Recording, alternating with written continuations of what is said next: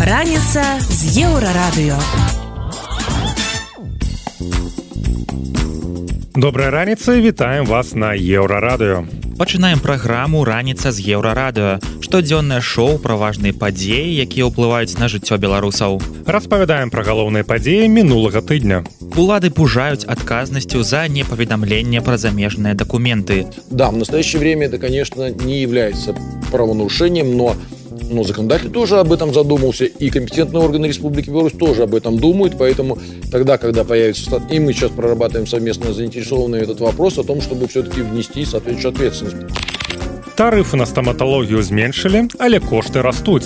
И, к сожалению, э, это приведет к тому, что, возможно, даже и услуги э, стоматологические или какие-то другие, в отношении которых будет э, применено такое регулирование, они, стоимость этих услуг может и уменьшиться, но не на большой процент, а вот как раз-таки качество будет страдать. Что отбывается с белорусской культурой? Размова с Дянисом Дудинским. Если ты дружишь с начальством, значит, ты будешь на сцене. Если ты не дружишь с начальством, значит, тебя не будет на сцене. И примеров огромное количество, когда действительно потрясающие группы, потрясающие хорошие исполнители, у которых было и творческое начало, и какой-то базис, и основа, они не имели возможности выступать. Падрабязнасці неўзабаве. В ефірі програма спільного виробництва Перець ФМ та Європейського радіо для Білорусі. Мус анансавала адказнасць за ўкрыццё замежнага грамадзянства. Яе ўвядуць ужо сёлета. Старшыня дэпартамента па грамадзянстве іміграцыі Алексей Бягун скардзіцца, што некаторыя беларусы забываюць ці свядома ігнаруюць абавязак паведамляць пра пашпарт іншай дзяржавы. Вось што ён кажа. Представители пограничной службы и органы внутренних дел постоянно фиксируют тогда, когда граждане в силу определенной обстоятельств, иногда в силу забывчивости или иногда в силу нежелания вообще сообщать об этом, то есть не хотят информировать компетентные органы о, о наличии у них иностранного гражданства. Да, в настоящее время это, конечно, не является правонарушением, но но законодатель тоже об этом задумался, и компетентные органы Республики Беларусь тоже об этом думают, поэтому тогда, когда появится... И мы сейчас прорабатываем совместно заинтересованный этот вопрос о том, чтобы все-таки внести соответствующую ответственность. Да таго ж улады абяцаюць увесці адміністратыўнае пакаранне для тых, хто не прызнаўся, што мае дазвол на жыхарства за мяжой. Але пры гэтым сцвярджаюць, што і так усё пра ўсіх ведаюць. Згодна з абноўленым заканадаўствам паведаміць пра замежныя дакументы трэба было да 10 кастрычніка. Аднак цяпер, калі хтосьці не праінфармуе мус пра замежныя дакументы, гэта не з'яўляецца парушэннем. Да таго моманту пакуль не ўвядуць адказнасць лепш пра гэта не паведамляць. Так лічыць адвокат Олесь Михалевич теории пока что нет санкций за неисполнение за то что человек не сообщит. Поэтому пока санкций нет я бы наверное я конечно как адвокат никогда не имею права советовать не исполнять закон но если закон откровенно нарушает права и свободы граждан наверное я имею право агитировать или предлагать не не исполнять этот закон. Очень сложно сказать точно э, что, какая хитрая там схема и что собирается белорусская власть с этим делать, но, безусловно, возможностей делать с этой базой очень много. Начиная от налоговых там вопросов, потому что есть э, с точки зрения там продажи квартиры, например, резидентам и нерезидентам Беларуси есть совсем разные э, налогообложения. Так? Э, есть вопросы всегда с оплатой коммунальных услуг в зависимости от того, там человек там резидент свой или не свой. И я думаю, что по моему опыту попадание в любую неправильную базу авторитарных государств, оно вредит. Поэтому я бы на вашем месте этого не делал. За тем редким случаем, если вы, например, работаете в государственных органах Беларуси, и у вас там есть, например, карта поляка или вид на жительство к другой стране, ну тогда, наверное, э, для того, чтобы исключить э, дополнительные там санкции и репрессии, я бы, наверное, это сообщил. Хотя тоже надо смотреть в каждом конкретном случае. Э, нет такого общего правила паводле мусу у 21 а 22 годах з беларусі з'ехала больш за 200 тысяч працаздольных грамадзян і гэта толькі па афіцыйных дадзеных у рэальнасці гэтай лічбы могуць быць у разы большымі далей у праграме раніца з еўрарадыё тарифы на стоматологию зменшили, але кошты растут. И, к сожалению, э, это приведет к тому, что, возможно, даже и услуги э, стоматологические или какие-то другие, в отношении которых будет э, применено такое регулирование, они, стоимость этих услуг может и уменьшиться, но не на большой процент, а вот как раз-таки качество будет страдать. Что адбываецца з беларускай культурай размова з дзянісам дудзінскім если ты дружишь с начальством значит ты будешь на сцене если ты не дружишь с начальством значит тебя не будет на сцене и примеров огромное количество когда действительно потрясающие группы потрясающие хорошие исполнители у которых было и творческое начало и какой-то базис и основа они не имели возможности выступать про гэта да іншая больш падрабязна бліжэйшым часам Раніца з еўрарадыё. Мінздароўя зменшыла тарыфы на стаматалогію, але цэны ўсё роўна выраслі. Летась чыноўнікі прынялі пастанову, у якой усталявалі максімальныя кошты на стаматалагічныя паслугі. Дакумент павінен быў садзейнічаць зніжэнню цэн у дзяржаўных і прыватных клініках. То бок лячэнне зубоў мусіла стаць таннейшым, але выйшла наадварот. Уладальнікі стаматалагічных клінік кажуць, што тарыфы зацверджаныя, але пашырыўся пералік маніпуляцый. Таму па факце сапраўднага зніжэння зніжэння коштаў не будзе. У медцэнтрах тлумачаць, што даражае і аренда і асабліва расходнікі, яны імпартныя, аўтаматычна вырастае і цана. Дык навошта ўладам рэгуляваць кошты на стаматалагічныя паслугі і як гэта паўплывае на якасць паслуг, распавядае эканамістка Аліса Рыжыченко со тут, наверное, еще есть другие причины, почему а, власти осуществляют регулирование цен именно в данной области, почему не начали с этого. А, это как раз-таки делается не для того, чтобы белорусы себя почувствовали комфортнее, а для того, чтобы скрыть тот факт, что на самом деле в Беларуси медицина это не бесплатная.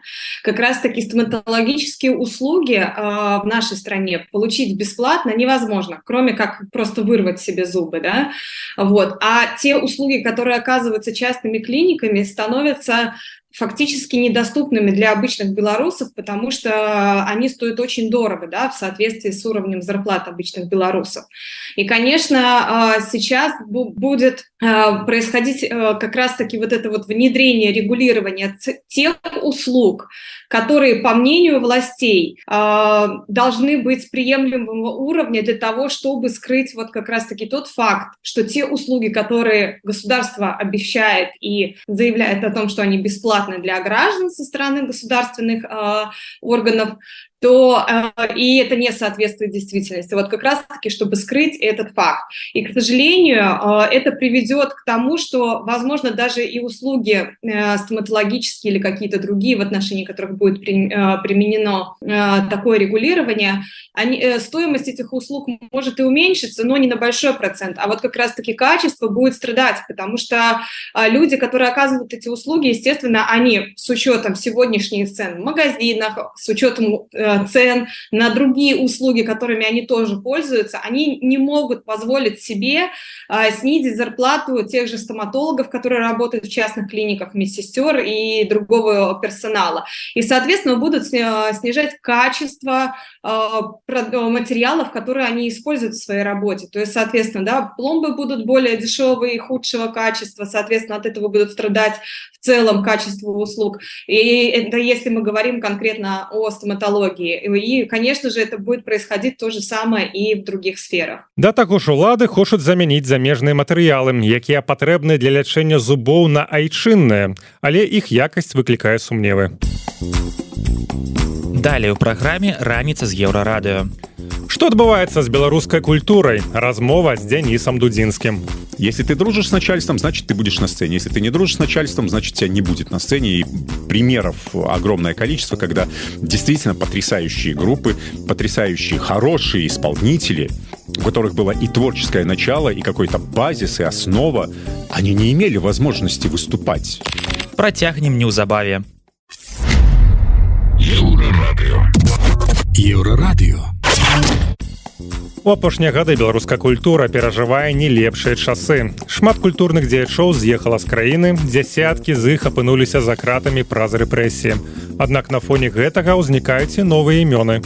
Ці можа існаваць беларуская культура ў цяперашняй рэчаіснасці і ці магчыма творчасць пад рэпрэсіямі. Над гэтымі пытаннямі разважае шоумен і вядоўца дзяніс дудзінскі. Размоў вядзе зміцер лукашук. Ты можешь сказать вот твоё бачанне прынамсі на сёння что адбываецца з беларускай культурай? Ну ее нету. Если мы говорим именно о культуре да ну культура достаточно тяжеловесное слово такое культура искусство с ней всегда в Беларуси были проблемы, особенно последних лет, ну, 15-20, вот это вот, э, когда истребляется все живое, действительно все живое, когда на первый план выходят не твои способности, да, как музыканта, как актера, артиста, а, а твоя лояльность а, к вышестоящим, э, к тем, кто над тобой. Я не говорю даже сейчас, что к власти вообще, да, просто к начальству. Если ты дружишь с начальством, значит, ты будешь на сцене. Если ты не дружишь с начальством, значит, тебя не будет на сцене. И примеров огромное количество, когда действительно потрясающие группы, потрясающие, хорошие исполнители, у которых было и творческое начало, и какой-то базис, и основа, они не имели возможности выступать в Беларуси. То их запрещали, то их не запрещали. То их запрещали вроде бы как потом разрешали, но при этом вроде бы и нельзя. Ну, что далеко ходить. За последних 20 лет это от Левона Вольского до, э, до сегодняшних низкис, которые, э, с которыми вот эта вот ситуация вся, маразм полнейший приключилась. Ну, поэтому там, тем более сейчас э, и власть-то уже не смотрит, кто свой, кто лояльный, у кого были какие-то заслуги перед властью. Нет, сейчас всех под одну гребенку, потому что сейчас нужна только лояльность и никакой культуры, никакого искусства сейчас в Белоруссии, Белоруссии, давайте вот так говорить, да, невозможно, потому что творческий человек может существовать только в свободном пространстве. Сейчас свободного пространства нет. Придите к Вольскому и скажите, так, Левон, э, давай давай-ка ты напишешь песню вот на такую-то тематику, чтобы там обязательно были такие-то, такие-то, такие-то слова. Песня должна быть медленная, и песня должна понравиться А. Качановой, Б. Лукашенко, В. еще кому-нибудь там Эйсмент, например. Вот, вот такие вот параметры. Неважно, два аккорда, три аккорда, ну что Вольский скажет, да идите-ка, ребята, вот все, что он скажет. Дайте мне простор, я буду существовать. Нету простора, я не буду существовать. А культура и искусство на этом и зиждется. Пакуль не дошли далёка, э, пытанне ад вожыка патрыёта калі да нас зноўку завітаюць грыша и Андруша Ой это ж понимаете такая такое дело вот мы отсняли договорились на 10 программ отсняли 10 программ и потом так, ну, хорошо, сняли, да, а давайте дальше снимать. Ну, давайте чуть попозже.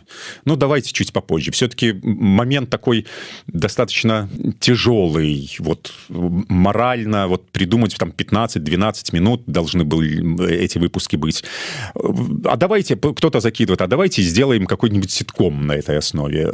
Давайте сделаем ситком давайте я сейчас съезжу во Францию, потом вернусь, а потом я, у меня тут еще будут дела, потом Новый год, ой, потом у меня день рождения. Слушайте, давайте где-нибудь по весне. Ну вот, то есть это вот так вот. Свободные люди в свободном мире. Что хотим, то и делаем. Когда хотим, тогда и делаем. Вот э, главный принцип, мне кажется, любого творчества, опять-таки возвращаясь к тому вопросу, существует ли культура и искусство сейчас в Беларуси? Нет.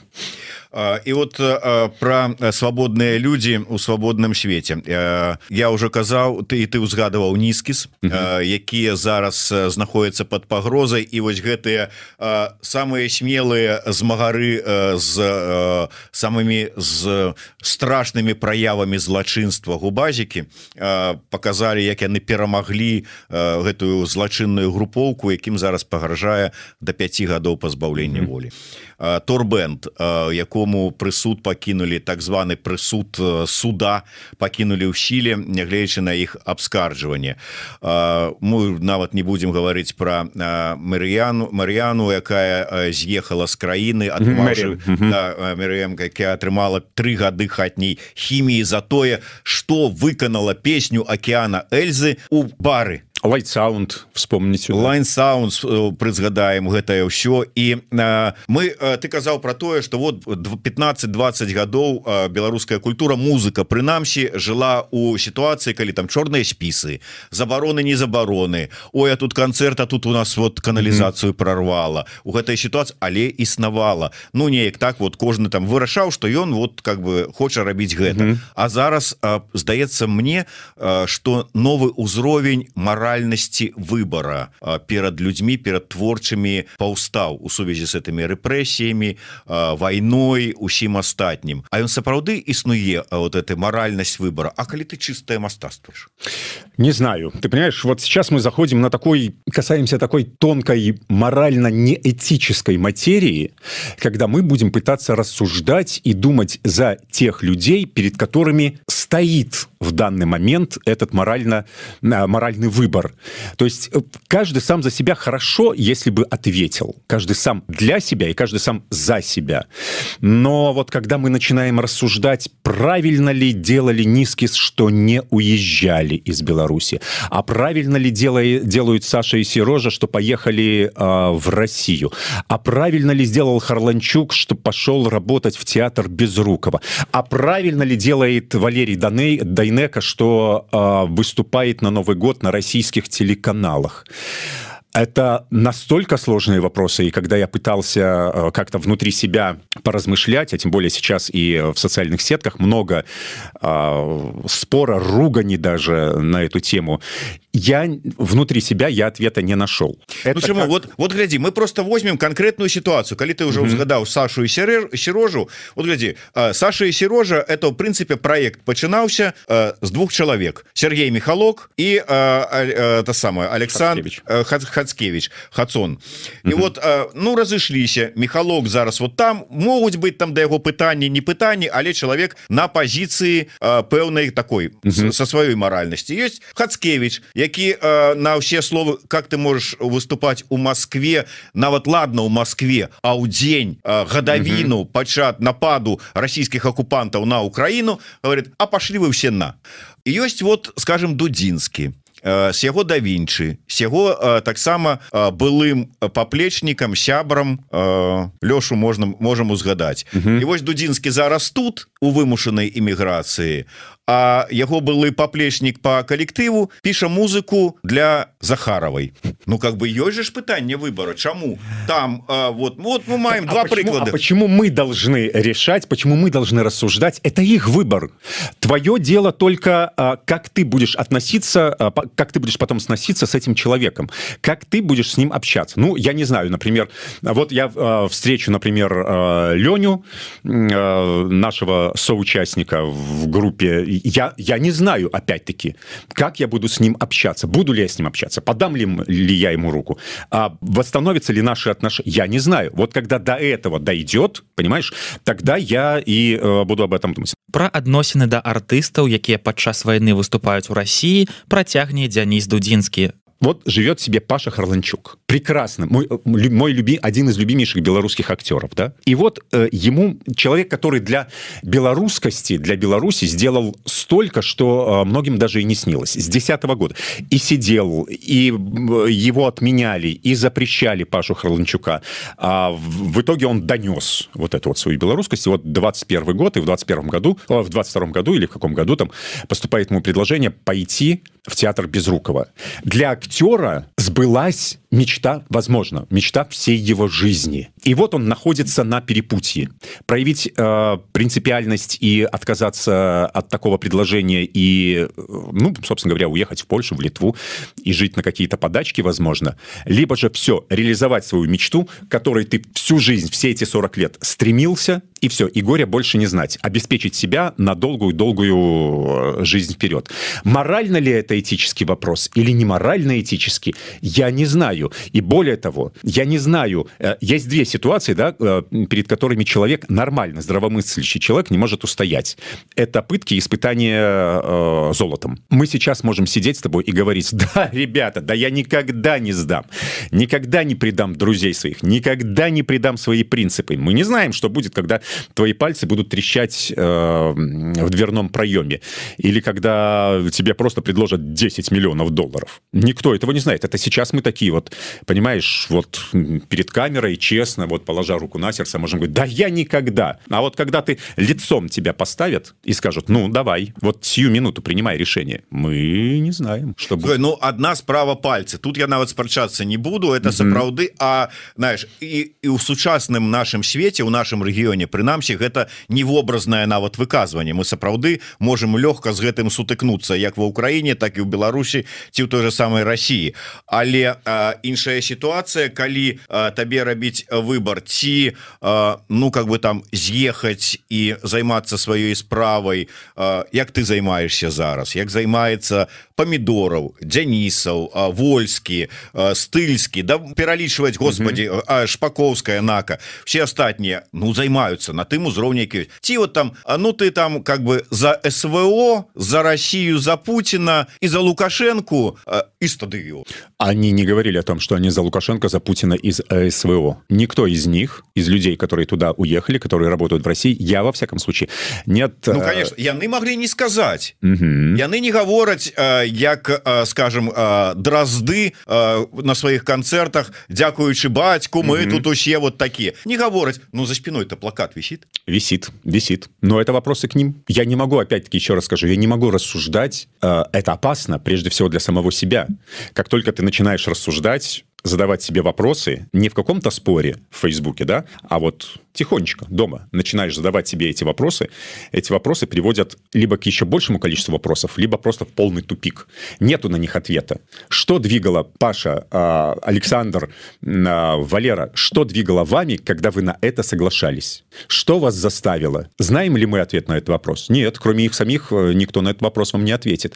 И морально-этическая сторона вот этого вот задавания вопроса, я бы уже хотел давным-давно, чтобы вот вопрос, а почему ты поешь в России, чтобы его ну, поешь, выступаешь, работаешь в России, да, чтобы этот вопрос относился к категории, а, сколько ты зарабатываешь, почему у вас еще нету детей, и, а, может, ты чем-то болен, почему не пьешь водку, а, алкоголь, например, да, чтобы он относился к таким, ну, не совсем корректным вопросам. Это глубоко внутренне твое дело дружить с этим человеком, грубо говоря, или не дружить. А вот задавать этот вопрос, ну, ты можешь рассуждать, как, знаешь, такая интеллектуальная игра. Давайте вместе порассуждаем, почему Хацкевич пошел выступать, поехал выступать в Россию, и почему он поехал выступать именно на, а, в день начала войны. У вас есть эти вопросы? Нет. Это будет просто жонглирование какими-то личными предубеждениями, а, личными пристрастиями, личными люблю, не люблю, хочу, не хочу. Вот и все. Поэтому рассуждать рассуждать на эти вопросы можно, но выносить какой-то вердикт и кэнселить полностью этих людей никто из нас не имеет права. Отрымливается, что ну как бы тады и раз, разважать на тему моральности, аморальности некого выбору, ну так само как бы за себя, за себя отвечаем, ребят, за себя только отвечаем. Мы не можем, во-первых, у нас, ну, у нас на руках нету данных, почему они туда поехали, что с такого случилось, что вот или что произошло? Почему? Ну, расскажите нам, давайте на основе каких-то фактов будем действовать. Возможно, они до сих пор ходят по Москве э, с БЧБ, со значком БЧБ, и всем рассказывают, вот проводят такую вот партизанскую политику и рассказывают, что Лукашенко — это плохо. И все россияне, которые их встречают, говорят, а, все, вот, Паша Харланчук, мы тебя уважаем, тебе верим. Нет, все. теперь мы все зразумели. Теперь мы все, мы не знаем, что там происходит. Мы видим только вот это вот нам сказали, Харланчук играет в театре Безрукова. Хацкевич поехал выступать в Москву. Дайнека поехал выступать на Новый год на российское телевидение. Это только ну, какая-то сотая доля, наверное, той информации, которую э, Хацкевич сказал, идите все в ОПУ, да, что-то такое сказал. Имеет право, черт побери, имеет право. Опять-таки, свободный человек в свободном мире. Имеет право ехать куда угодно. Имеет право отвечать всем своим на все нападки то, что он хочет. А наше право на основе вот этих ответов и на основе этих поступков строить свое отношение к этому конкретному человеку. Мое отношение к этим людям...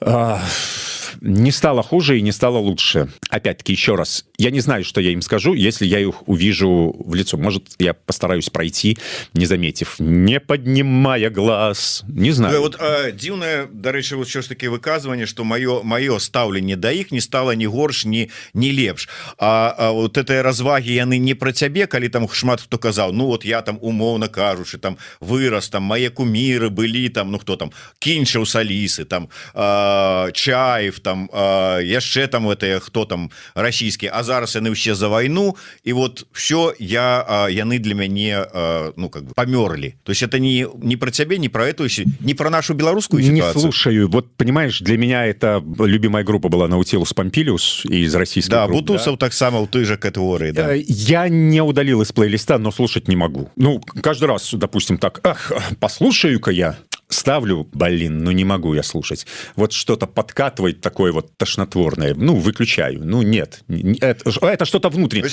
Сам... ставленне мое относится я до яго не стал ни горш не лепш но до тошнотики тягнет да но это понимаешь это мое внутреннее проявление. Моя психология так мне говорит выключай я мой любимый писатель э, Антон Чехов. Антон Павлович Чехов. Я его читал и до сих пор читаю. Но черт побери вот как только открываю рассказ где на, начинается начинается описание русской души русской русская степь или что-нибудь там русские какие-то интересности. Ну я не могу его читать я пролистываю сразу на, на другой рассказ. Черт побери и здесь у нас русская душа. На следующий рассказ. О вот это почитаем вот здесь хорошо.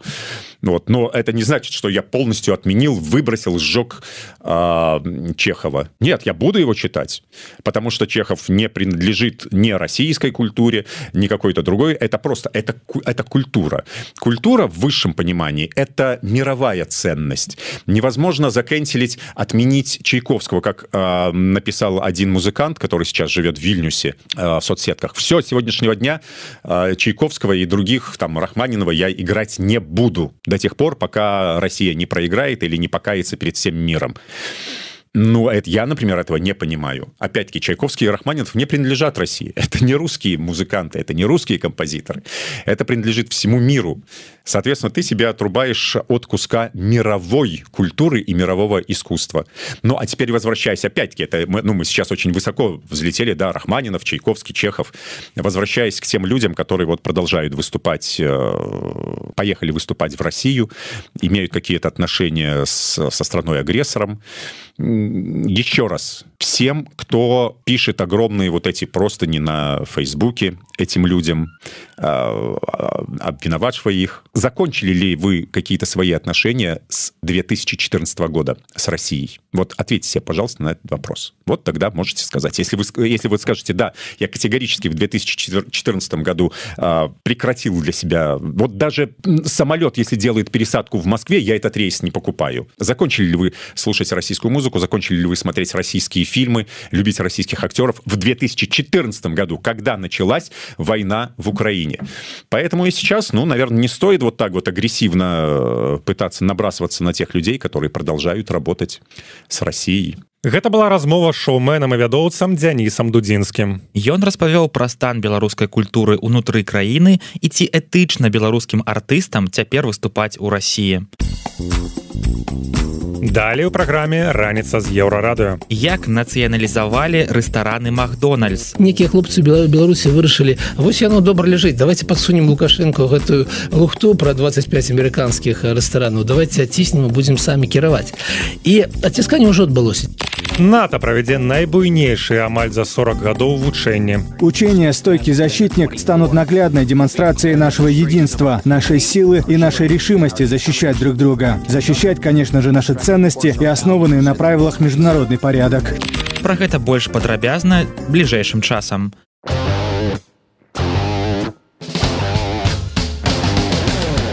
Еўрарадыё. Мы яшчэ не дагаварылі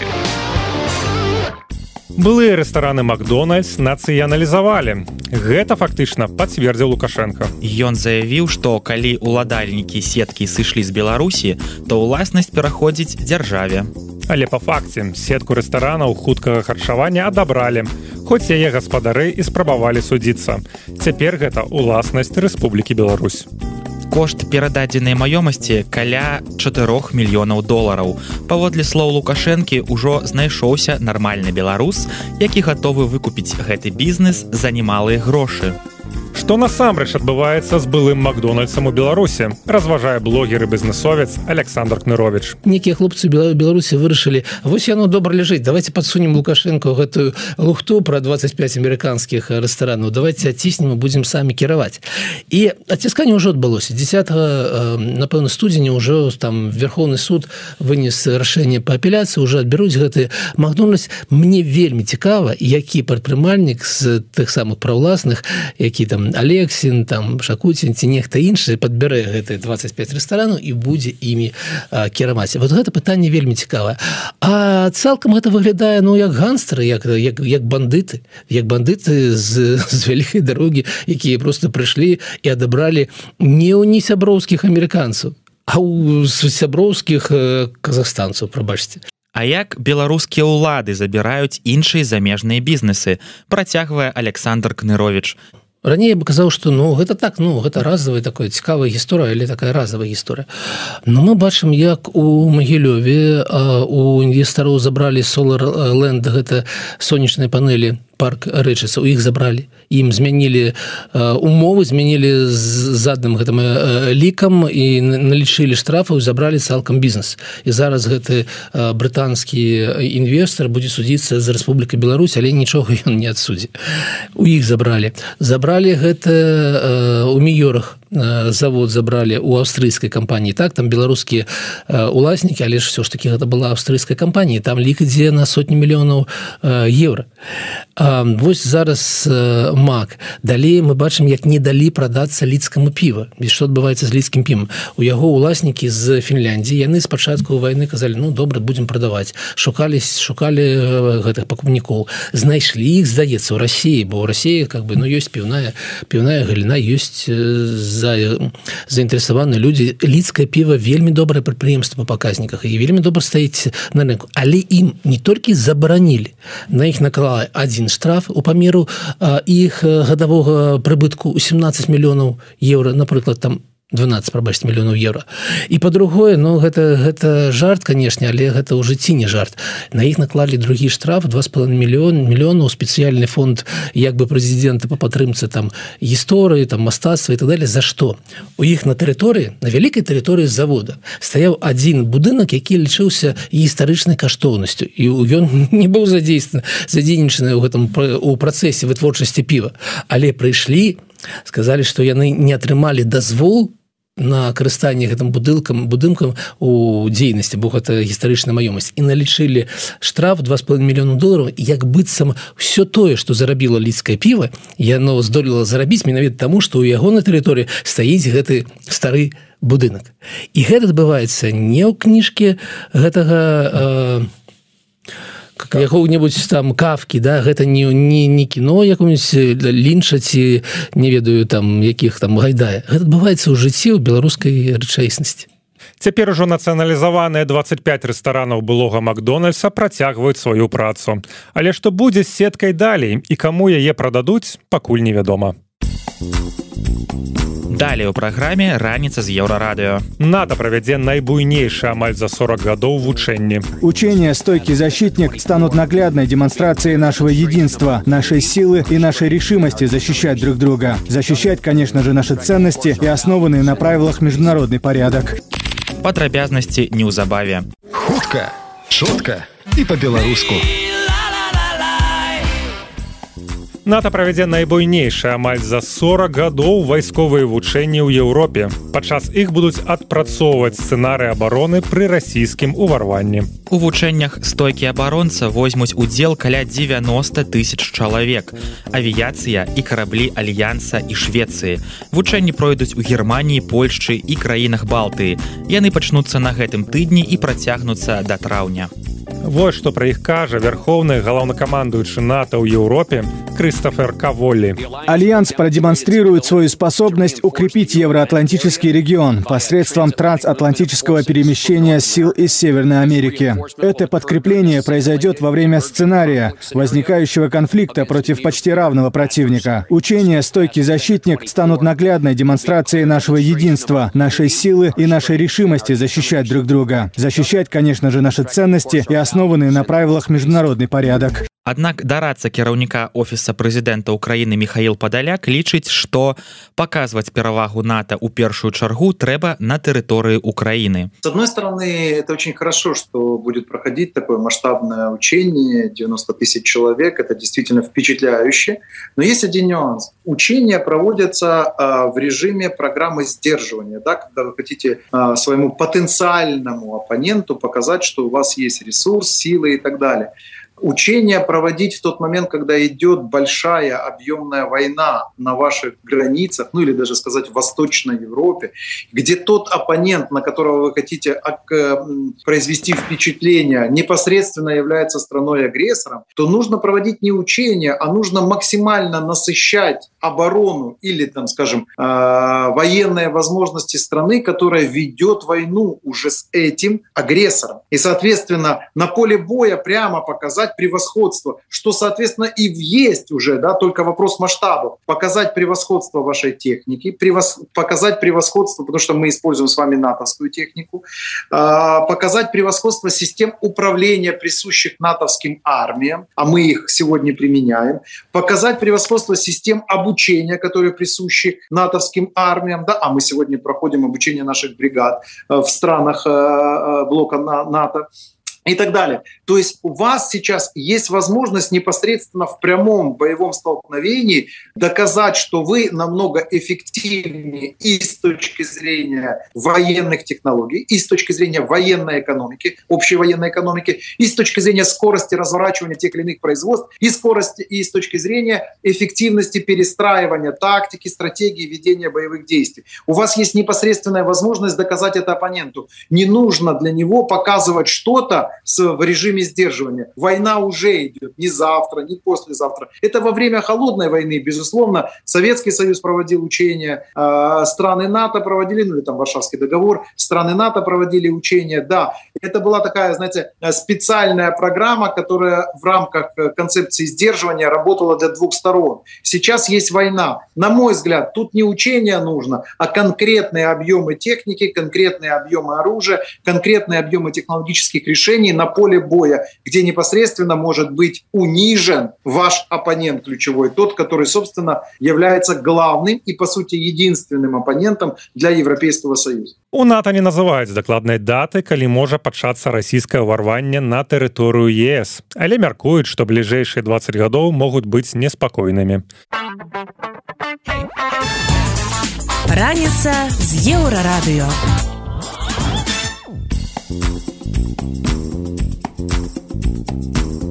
Вяртаемся на еўрарадыё і працягваем ранішні эфір. Вы па-ранейшаму слухаеце раніцу з еўрарадыё. Інфармацыйнае шоу пра важныя падзеі, якімі жывуць беларусы і іншы свет. І вось што цікавага мы распавядзем далей. Як праз адміністратыўныя арышты беларусаў звальняюць з працы. Факт существования человека, возможности обеспечивать себя и свою семью, он ставится под большой вопрос. Што рабілі нашы дэмсілы на эканамічным форуме ў давасе. Ну такой заявы публічны Лукашенко спрабаваў перабіць тое, што робяць дэмакратычная сіла. Эканамічныя вынікі тыдня ў рубрыцы Хаўмач. Ніхто не знаў і не знае. Пра гэта ды іншае больш падрабязна цягам бліжэйшай гадзіны.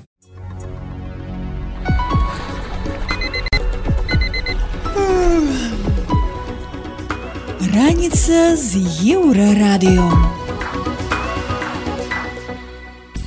Звальненне за прагулы ў Беларусі не рэдкасць, асабліва ў апошнія тры гады. Нядобранадзейных беларусаў, якія атрымалі адміністратыўнае пакаранне ў выглядзе сутак, працадаўцам прасцей за ўсё звольніць менавіта з фармулёўкай за прагулы.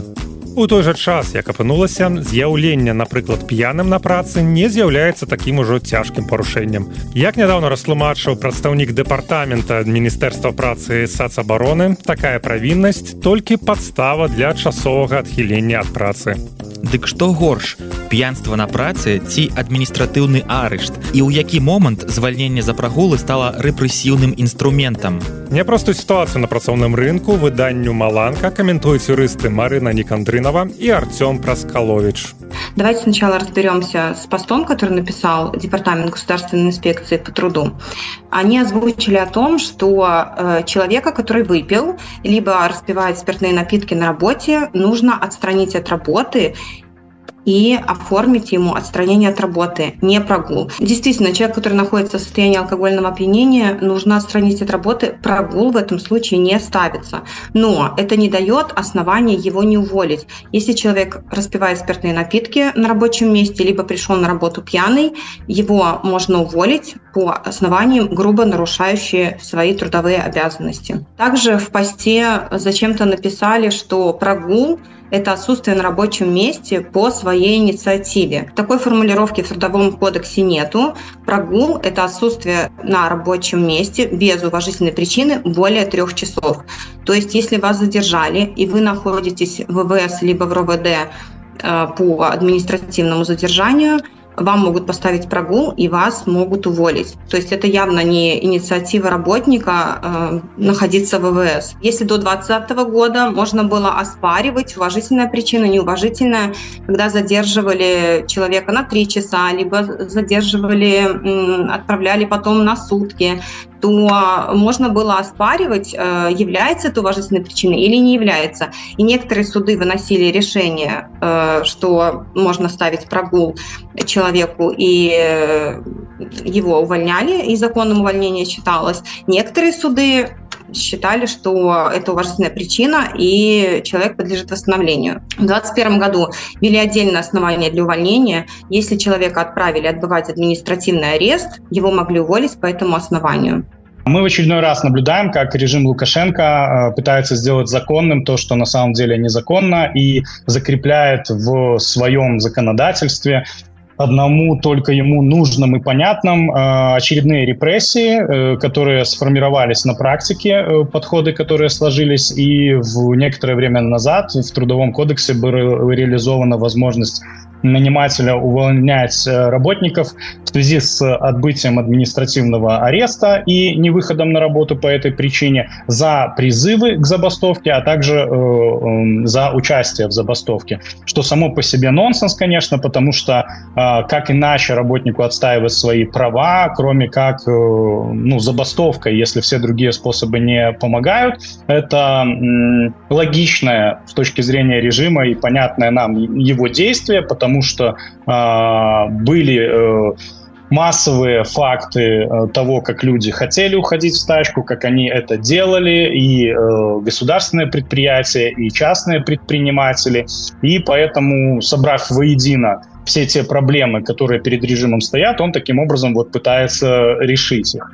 Что касается закрепления возможности увольнения в связи с отбытием административного ареста, то это, конечно, очередной парадокс. А, Верховный суд, комментируя это, говорит о том, что работник, совершая административное правонарушение, а, знает, что ему может грозить административный арест, и таким образом фактически а, умышленно готовит себя к прогулам, то есть фактически то есть как бы додумывает за работника вот эту причинно-следственную связь, э, совершил административное правонарушение, чтобы прогулять с работы. Ну, с таким же успехом можно говорить, что работник, отправляясь э, в дорогу, в путешествие или же на работу на велосипеде, велосипеде, катаясь э, на лыжах, например, осознает, что он может получить травму, оказаться в больнице, пойти на больничный, не э, выйти на работу, и таким образом, э, ну, он опять же совершает какие-то умышленные действия, из-за которых он не посетит свое рабочее место, и можно будет ставить вопрос о его увольнении. И фактически человек, совершая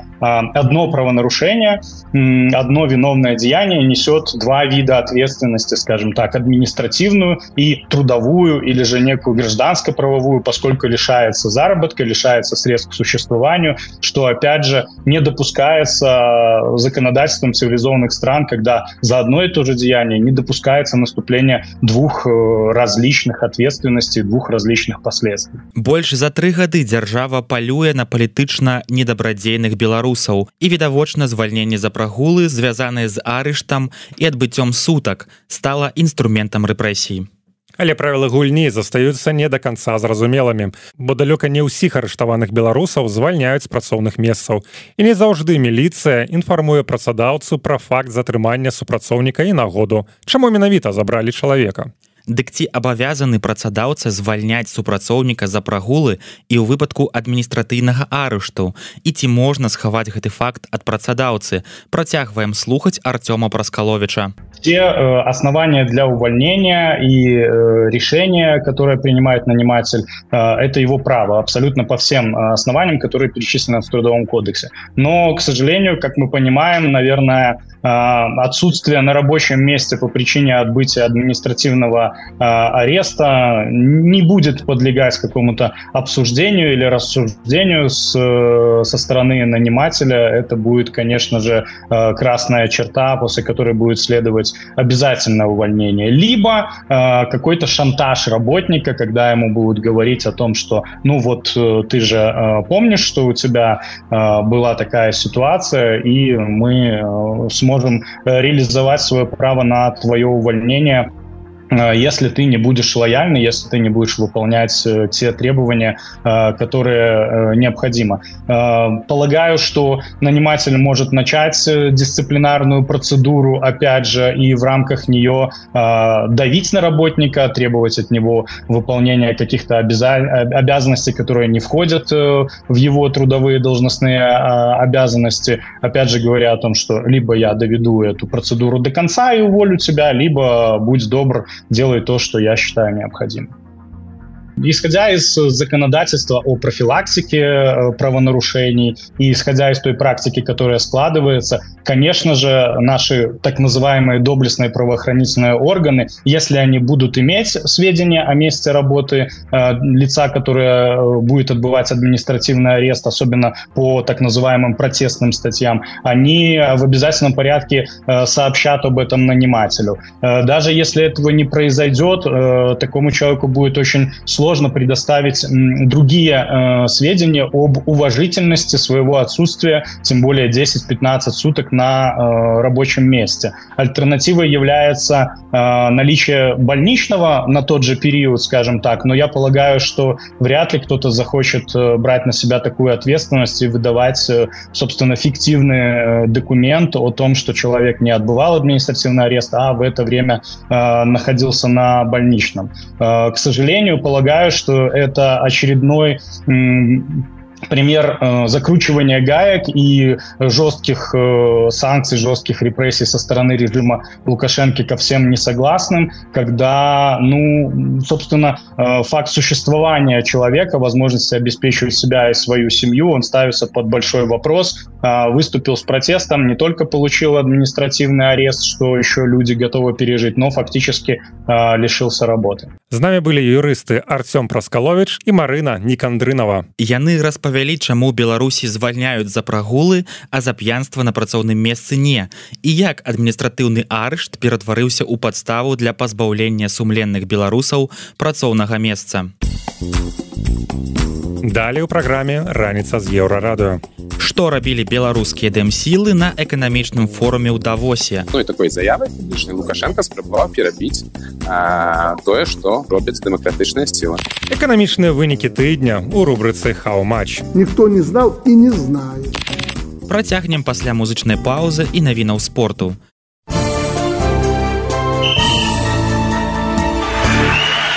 На еўрарадыё навіны спорту. Ягор Шарангович закінуў чарговую шайбу ў чэмпіянаце НХл, аднак калгары, за які ён выступае, дома прайграў таронта 3-4 на рахунку Шаранговіча ў гэтым сезоне ўжо 19 шайбаў. Лондон Лайнс, за які гуляе беларуска Кацярына Сныціна, выйшаў у чвэрцьфінал баскетбольнага еўракубка. У адной восьмай фіналу англійскі клуб прайшоў іспанскую герніку. У пераможным паядынку Сныціна набрала 12 ачкоў.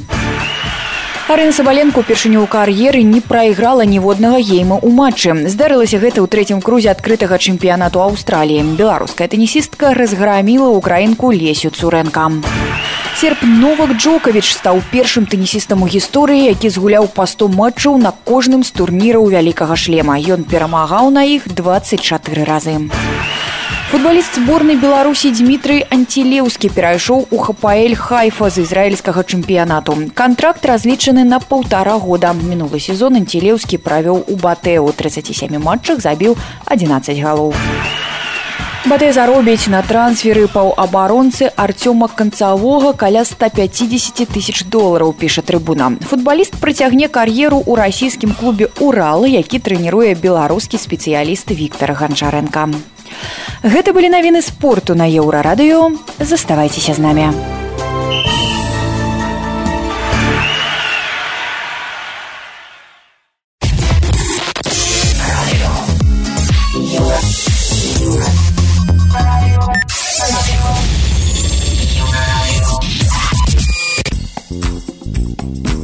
На мінулым тыдні ў швейцарскім давосем завяршыўся штогадовы эканамічны форум адно з самых прэстыжных мерапрыемстваў у свеце. Тысячи прадстаўнікоў краіны ўрадаў самыя ўплывовыя лідары думак сустрэліся там каб абмеркаваць глобальныя пытанні якія стаяць перад светом Ужо другі год запар у эканамічным форуме удзельнічаюць прадстаўнікі беларускіх дэмакратычных сілаў. Апошні раз падобнае здаралася у 92 годзе калі Беларусь прадстаўляў станіслав шушкевич Нацыянальная лідарка Святлана Ціхановская ўзяла ўдзел у дзвюх сустрэчах прэзідэнцкага ўзроўню разам з лідарамі Польшы, Венгрыі, Латвіі, міністрам замежных справ Украіны, прэм'ерам Харватыі. Агулам за пару дзён у ціхановскай адбылося некалькі дзясяткаў двухбаковых і шматбаковых сустрэч. Наколькі гэта прадстаўнічая падзея, ці на яе не варта звяртаць увагу, як лічыць лукашэнкаўская прапаганда. Вось як на гэтае пытанне радыёвабода адказаў дарацца ціхановскай па эканамічных рэформах алесь аляхнович прадстаўнічасць была на самом высокім узроўні. Я прысутнічаў напрыклад на адной сустрэчы дзе выступалі каралёўская пара бельгіі выступаў билл гейтс выступаў прэм'ер-міністр бельгіі на гэтай самай сустрэчы прысутнічала спадарня Светлана ціхновская якая таксама мела магчымасць паразмаўляць з гэтымі людзьмі.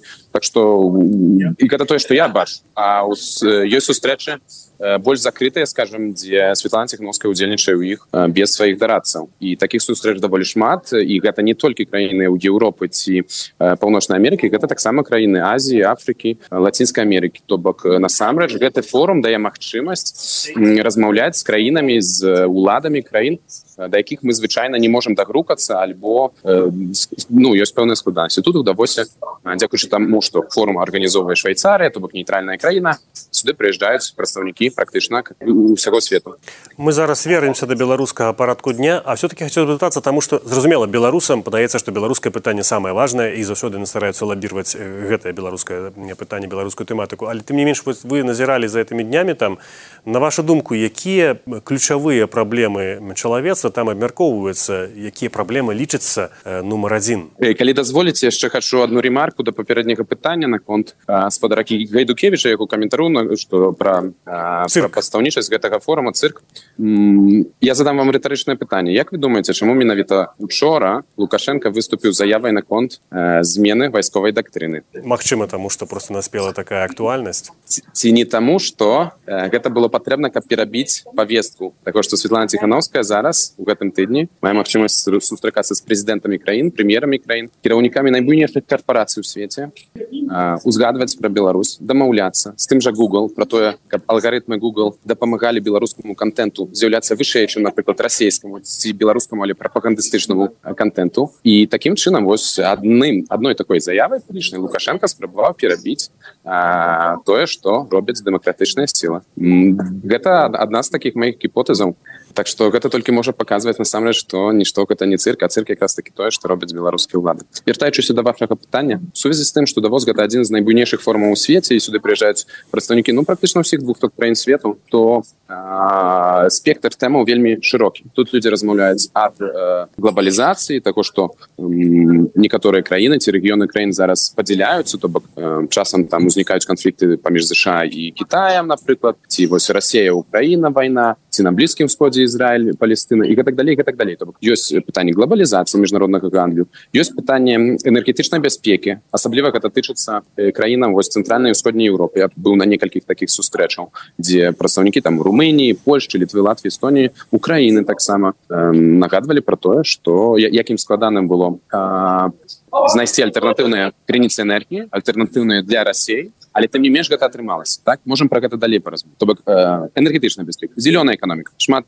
сустрэча было прысвечана зялёнай эканоміцы. Адкуль краінам якія развіваюцца яшчэ не маюць шмат грошай адкуль іх браць грошы напрыклад кіраўнік сусветнага банку казаў што выбачайце прафесор эканомікі гарвардскага універсітэту кеннет рогов казаў што без падтрымкі з боку багатых краін іншыя больш беднейшыя краіны ну і таксама вось такая краіна як Беларусь наша краіна яны самі па сабці ўкраіна яны мы, мы самі па сабе не здолеем зрабіць гэты зялёны пераход так што мы павінны мець магчымасць разлічваць на больш багатыя краіны шмат сустрэчаў з бізнесам то бок розныя бізнесы тут прысут прысутнічаюць у іх ёсць э, свая повестка у іх ёсць свае сустрэчы яны спрабуюць ну адвакатаваць свае інтарэсы э, ёсць э, шмат шмат э, сустрэч прысвечаных штучнаму інтэлекту штучнаму інтэлекту сектару IT інвестыцыям у краіны якія развіваюцца падтрымцы Украіны дарэчы вельмі шмат сустрэч гэтаму прысвечана. Так што тэма вельмі шмат і гэта і палітычныя геапалітычныя тэмы і эканамічная бізнес-тэма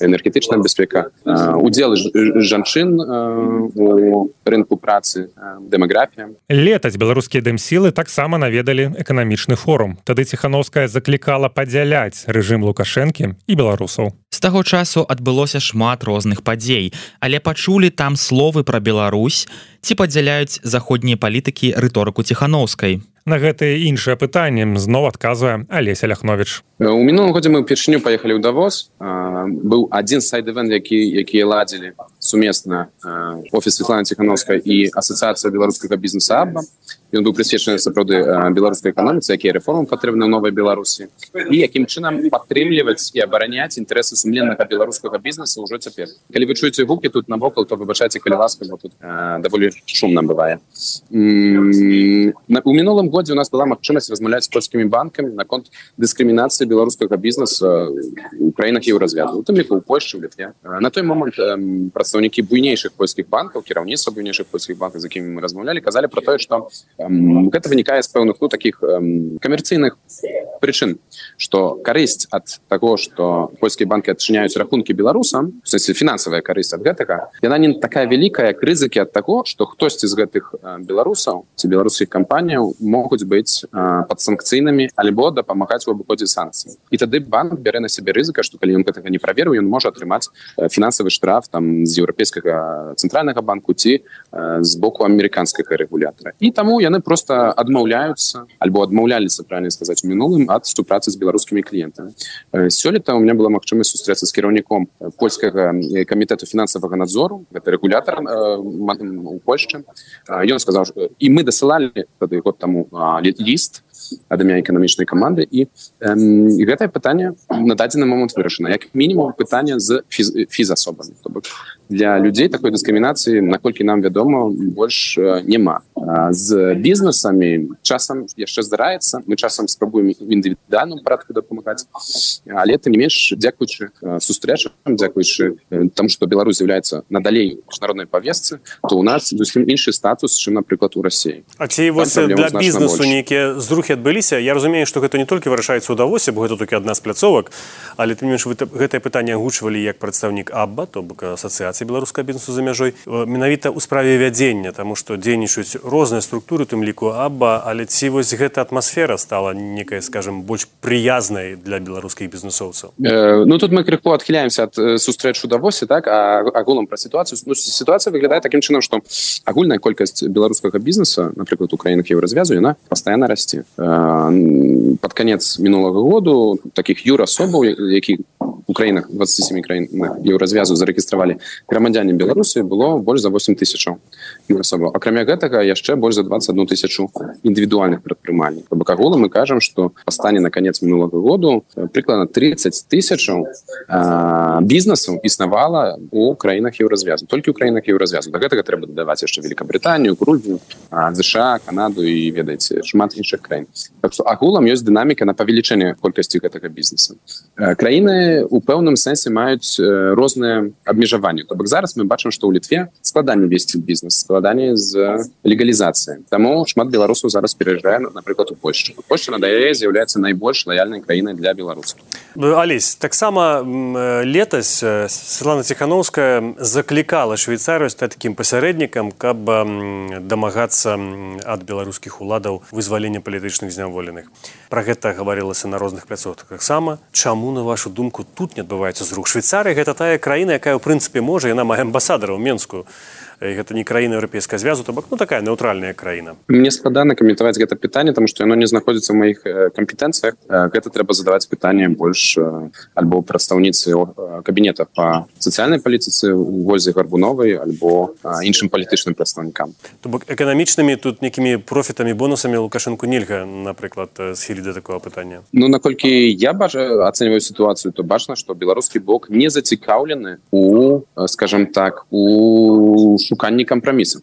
То бок з боку дэмакратычных сілаў ёсць гатоўнасць да размоваў з рэжымам ці з пасярэднікамі каб ратаваць беларусаў з турмаў так? Ёсць э, патэнцыял каб шукаць інструменты якія могуць быць скажем ну такой сітуацыі win-win? Калі карысць ёсць абодвум бакам умоўна кажучы прывяду прыклад авіязлучэнні я асабіста лічу что забарона на на палёты над тэрыторыяй беларусі для заходніх кампаній ці белабі над тэрыторыяй еўрапейскіх краінаў іншых некаторых краін гэта шкодная санкцыя яна больш шкодзіць беларусам чым самому рэжыму і таму я асабіста супраць гэтых санкцый я об этом открыто кажу. Я лічу что калі бы быў варыянт якім лукашенко выпускае частку палітвязняў напрыклад тых якія знаходзяцца ў гуманітарным спісе якія могуць памерці ў турме. Замен за гэта э, краіны еўразвязу заходняй краіны открываюць ізноў прастору для авіязлучэння. Это сітуацыя карысная для абодвух бакоў. Таких прыкладаў ёсць некалькі як мінімум дзе э, і дэмакратычныя сілы і рэжым лукашэнкі выйграюць ад такога рашэння.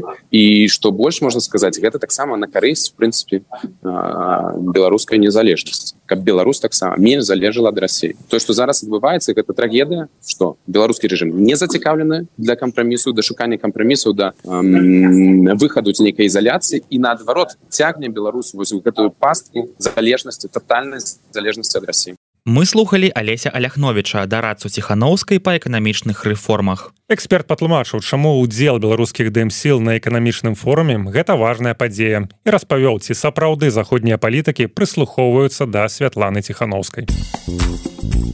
Далей у праграме раніца з еўрарадыё. Эканамічныя вынікі тыдня ў рубрыцы Хау-матч. Ніхто не знаў і не знае. Працягнем пасля музычнай паўзы і навінаў шоу-бізу. Шоу-біз.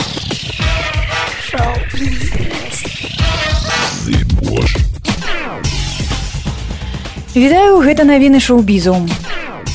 Снупдог прызнаўся, што ледзь не стаў контент-мейкерам OnlyFans, але своечасова адмовіўся супрацоўнічаць з платформай нават за вялікія грошы. У новым інтэрв'ю адзін з самых вядомых рэпераў ЗША успомніў, як прадстаўнікі OnlyFan звязаліся з ім і зрабілі прывабную прапанову зарабіць на сервісе 100 мільёнаў долараў. Але для гэтага яму прыйшлося б апублікаваць свае нюцы і выцягнуць цытата гэтую штуковіну. Снупдог задумаўся над прапановай новае, але адмовіў платформе. Ён зразумеў, што не гатовы да канфлікту з жонкай. Здымкі гістарычнага сіквала гладыятар завершаны. Пра гэта ў сваіх садсетках распавёў акцёр Пол Мэскал, выканаўца ролі пляменніка рымскага імператара Камода Луцыя. Мэскал падзяліўся фатаграфіямі з рыдлі скотам у сваіх гісторыях у нстаграм, дадаўшы лаканічны подпіс. Канец. Прэм'ера карціны прызначаная на лістапад 2024. У спявачкі Марыем Ерасіменко выйшла першая пасля ад'езду з Беларусі песня. Сінгл пад назвай вакол цішыня з'явіўся на канале экс-палідзняволенай спявачкі. 16 студзеня дзяўчыну эвакуявалі пры дапамозе фонду Байсол. У жніўні 2022 Марыем затрымалі за песню украінскага гурта Акеан Эльзе, праспяваную ў мінскім бары банкі бутылкі. Артыстку пакаралі трыма гадамі хатняй хіміі за ўдзел у несанкцыянаваных масавых мерапрыемствах. Таксама спявачку дадалі ў спіс экстрэмістаў. Гэта былі навіны шоу-бізу, заставайцеся на хвалях еўрарадыё.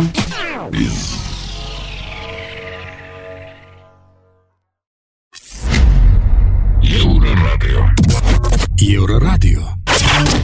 Кампанія Еўроторг Холдинг PLC, якой належыць беларуская фірма Еўрагандаль, змяніла кіпрскую прапіску на Абу-дабі, сталіцу аб'яднаных арабскіх эміратаў. Гэта вынікае з дакументаў, апублікаваных на адзіным партале фінансавага рынку. Раней кампанія, якая мае найбуйнейшую сетку крамаў і гандлёвых цэнтраў Беларусі, мела рэгістрацыю на кіпры, які беларускія ўлады прызналі недружалюбнай краінай. Цяпер жа падобна да таго, што беларускі капітал будзе знаходзіцца знаходзіцца ў эміратах куды часта лётае і клан лукашэнак ну а пра іншыя не менш цікавыя эканамічныя навіны мы распавядзем у нашай штотыднёвай рубрыцы хау-матч хау-матч колькі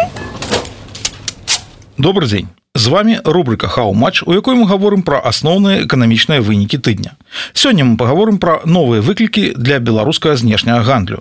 Як атака украінскіх дронаў можа паўплываць на беларускую эканоміку чаму мас губляе свае пазіцыі на расійскім рынку на першы погляд атака украінскіх дронаў на партовую інфраструктуру ў ленградскай вобласці не мае прамога дачынення да эканамічнай тэматыкі тым больш да беларускай эканамічнай тэматыкі але гэта толькі на першы погляд гэты выключны военны інцыдент насамрэч можа мець для беларускай эканомікі вельмі цяжкія наступствы. У складанай лагістыцы беларускага знешняга гандлю порты ў ленградскай вобласці адыгрываюць асаблівую ролю ключавую ролю.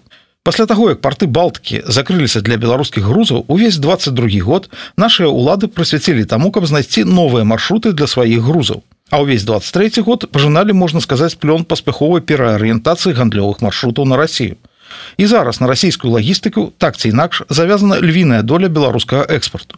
І ледзь не 100соткаў беларускага экспарту Украіны далёкай дугі. Вот что казаў про гэта посол у России Игорь Круты. Новая логистика, особенно в условиях санкций, это одна из ключевых сквозных тем, на которые сделал акцент наш президент. Нам нужны действительно новые логистические цепочки. Не ведаю, дзе там улады збіраюцца шукаць новыя лагістычныя ланцужкі. Можа наладзіць пастаўкі праз цэнтр зямлі. Таму што зараз усе іх лагістычныя ланцужкі праходзяць праз Расію. За 23 год праз расійскія порты Беларусь адправіла 17-18 мільёнаў тонн грузаў у тры разы больш, чым у 22 годзе. Так улады гавораць, што яны выкарыстоўваюць 20 расійскіх партоў. Але пры тым, што гэтых партоў 20-80соткаў грузаў праходзяць праз парты ў ленінградскай вобласці. Гэта значыць для беларускага знешняга гандлю парты ў ленінградскай вобласці кропка амаль крытычнай уразлівасці. Іх раптоўнае выйсце са строю можа падарваць усю далікатную знешнягандлёвую лагістыку. Адных толькі калійных угнаенняў праз гэтыя порты маглі перавесці до 6 мільёнаў тонн. І хутчэй за ўсё праз іх і ідзе і значная частка беларускіх нафтапрадуктаў.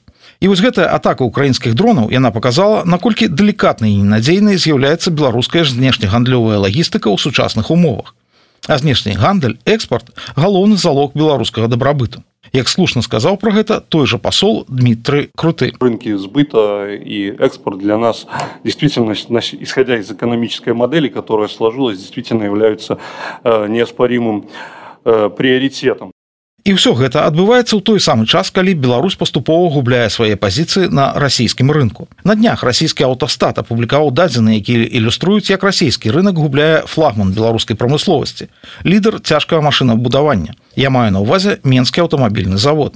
Вось калі паглядзець на статыстыку бегла, не ўдаючыся ў дэталі, то ўсё быццам бы і добра. За мінулы год мас прадаў у Расію 6300 сваіх грузавікоў на 44соткі больш, чым у 22 годзе цалкам такая сімпатычная сабе статыстыка. Поўная адпаведнасць с установкай на глыбокае засваенне не чужога нам расійскага рынку. Але гэта паўтару калі не ўдавацца ў дэталі. Ад ябал жа як вядома ён заўсёды крыецца ў дэталях. Таму каб зразумець што насамрэч адбываецца нам давядзецца звярнуць увагу на некаторыя падрабязнасці па-першае што кідаецца ў бочым за мінулы год у рассіі было прададзена амаль 144 тысячи новых грузавікоў. Гэта на 70соткаў больш чым у 22 годзе. А продажы маза выраслі на 44сотки гэта значыць продажы маза раслі нашмат горшым рос рынок у цэлым адпаведна доля грузавікоў мас на расійскім рынку у мінулым годзе знізілася на 4,4сотка з 5 і двух десятых адсотка. І вось насамрэч на фоне іншых прадаўцоў продажы беларускіх грузавікоў такімі ураджальнымі не выглядаюць. Таму што напрыклад кітайскі сітрак які займае другое месца на расійскім рынку пасля камаза павялічыў продажы сваіх машын у 6,4 разы іншая кітайская кампанія шахман продала ў два разы больш грузавікоў чым у 22 годзе а кітайскі фотон павялічыў продажы увогуле ў 43 разы. Калі ў 22 годзе гэтая кампанія продала ў рассіі толькі 145 машын то ў 23 годзе яна амаль дагнала мас прадаўшы 6 тысяч аўтамабіляў.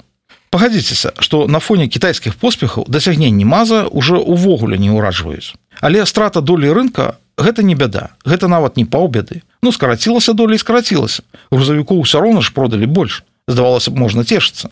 Але не надта атрымліваецца. Справа ў тым што асноўны рост продажаў беларускіх грузавікоў прупаў на першую палову года. Вось пакуль канкурэнты яшчэ не паспелі апамятацца А чым далей до конца года тым менш у маза атрымлівался прадаць у Росію сваіх машын. Пры росце продажаў за год больш чым на 40соткаў у снежні продажы грузавікоў мас у Росіі скараціліся на 5 з паловай адсотка. Калі ў снежні 22 года мас прадаў 566 сваіх машын, то ў снежні 23 года ўжо толькі 535. Гэта значыць, што мас зараз не проста губляе долю на рынку. Мас страчвае ў продажах у абсалютных лічбах. Пры гэтым рынок грузавікоў у рассіі ён працягваў расці і за снежань мінулого года ён вырас амаль на 20соткаў. На 70соткаў нарасціў свае продажы сітрак. На 10соткаў шахман і амаль у 8 разоў кітайскі фотон. Гэта значыць, што беларускія грузавікі на расійскім рынку адчувалі сябе добра, пакуль ім ніхто не перашкаджаў. Пакуль яны не мелі канкурэнцыі. А чым больш канкурэнцыі, тым горш яны сябе адчуваюць. Бо супраць канкурэнтаў беларускія грузавікі не маюць ніякіх пераканаўчых аргументаў. І яшчэ одна маленькая, але ад гэтага не менш важная дэталь заключаецца ў прычынах, па якіх рынок расійскіх грузавікоў паказаў такі бурны рост. Хутчэй за ўсё гэта шмат у чым адбылося з-за ваенных дзеянняў ва ўкраіне. Бо для вайны патрэбны не толькі станкі і самалёты, патрэбны яшчэ грузавікі, каб перавозіць вайсковыя грузы. Адпаведна, нейкая частка прыросту прыйшлася верагодна на дзяржаўную абаронную замову. сферу, у якой беларускія ўлады заўсёды адчувалі сябе як рыба ў вадзе. Гэта значыць кітайцы ціскаюць беларускіх вытворцаў нават там, дзе палітычнае меркаванне, асабістыя сувязі і ўмення дамовіцца заўсёды пераважалі над рынкавымі меркаваннямі. Як сказаў пра гэтыя вельмі асаблівыя адносіны Александр Лукашенко. І как видите, нам удается выстроить такие союзнические отношения, которых на планете никто не знал и не знает. Але ж як бачым лічбы гэта не вельмі пацвярджаюць і справа ж не толькі ў грузавіках з іншымі беларускімі таварамі тыя ж праблемы той жа круты скардзіўся на праблему з продажам бытавой тэхнікі халадзільнікаў пральных машын тэлевізараў беларускі віцэ-прэм'ер Миколай снапкоў на тое што беларускім трактарам самазвалам і аўтобусам цяжка вытрымліваць канкурэнцыю з кітайскімі кампаніямі дарэчы пра аўтобусы якія рэгулярна гараць на працы. Продаж аўтобусаў мас у рассіі упаў за мінулы год на 16соткаў Ну і не дзіва, калі Беларусь губляе пазіцыі на сваім галоўным рынку, то пагаршаецца сітуацыя ў знешнім гандлю цалкам. Вось паводле апошніх звестак Нацбанка за 11 месяцаў мінулого года прафіцыт у гандлі таварамі і паслугамі, гэта значыць ва ўсім знешнім гандлі склаў 730 мільёнаў долараў у 6,6 раза менш чым у мінулым годзе. Пры гэтым у лістападзе прафіцыта ўжо наогуле не было, а быў дэфіцыт у 80 мільёнаў долараў. А беларуская эканоміка, як справядліва заўважыў пасол круты, вельмі адчувальная да стану свайго знешняга гандлю і стану свайго гандлёвага балансу. Нават адносна невялікі гандлёвы дэфіцыт пагражае нашай фінансавай сістэме вялікімі непрыемнасцямі. Пры ўмове, што гэты стан дэфіцыту будзе ўстойлівым. На гэтым на сёння ўсё. З вами была рубрика Хаўмач, пачуемся на наступным тыдні. Усяго добрага.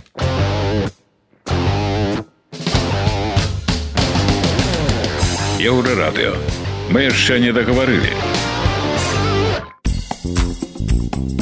Гэта былі самыя важныя навіны і сэнсы раніцы з еўрарадыё. Заўтра ранкам мы распавядзем вам пра галоўнае, што адбываецца ў краіне і свеце. Сустракаемся ў той жа час у тым жа месцы. Беражыце сябе. Пачуемся.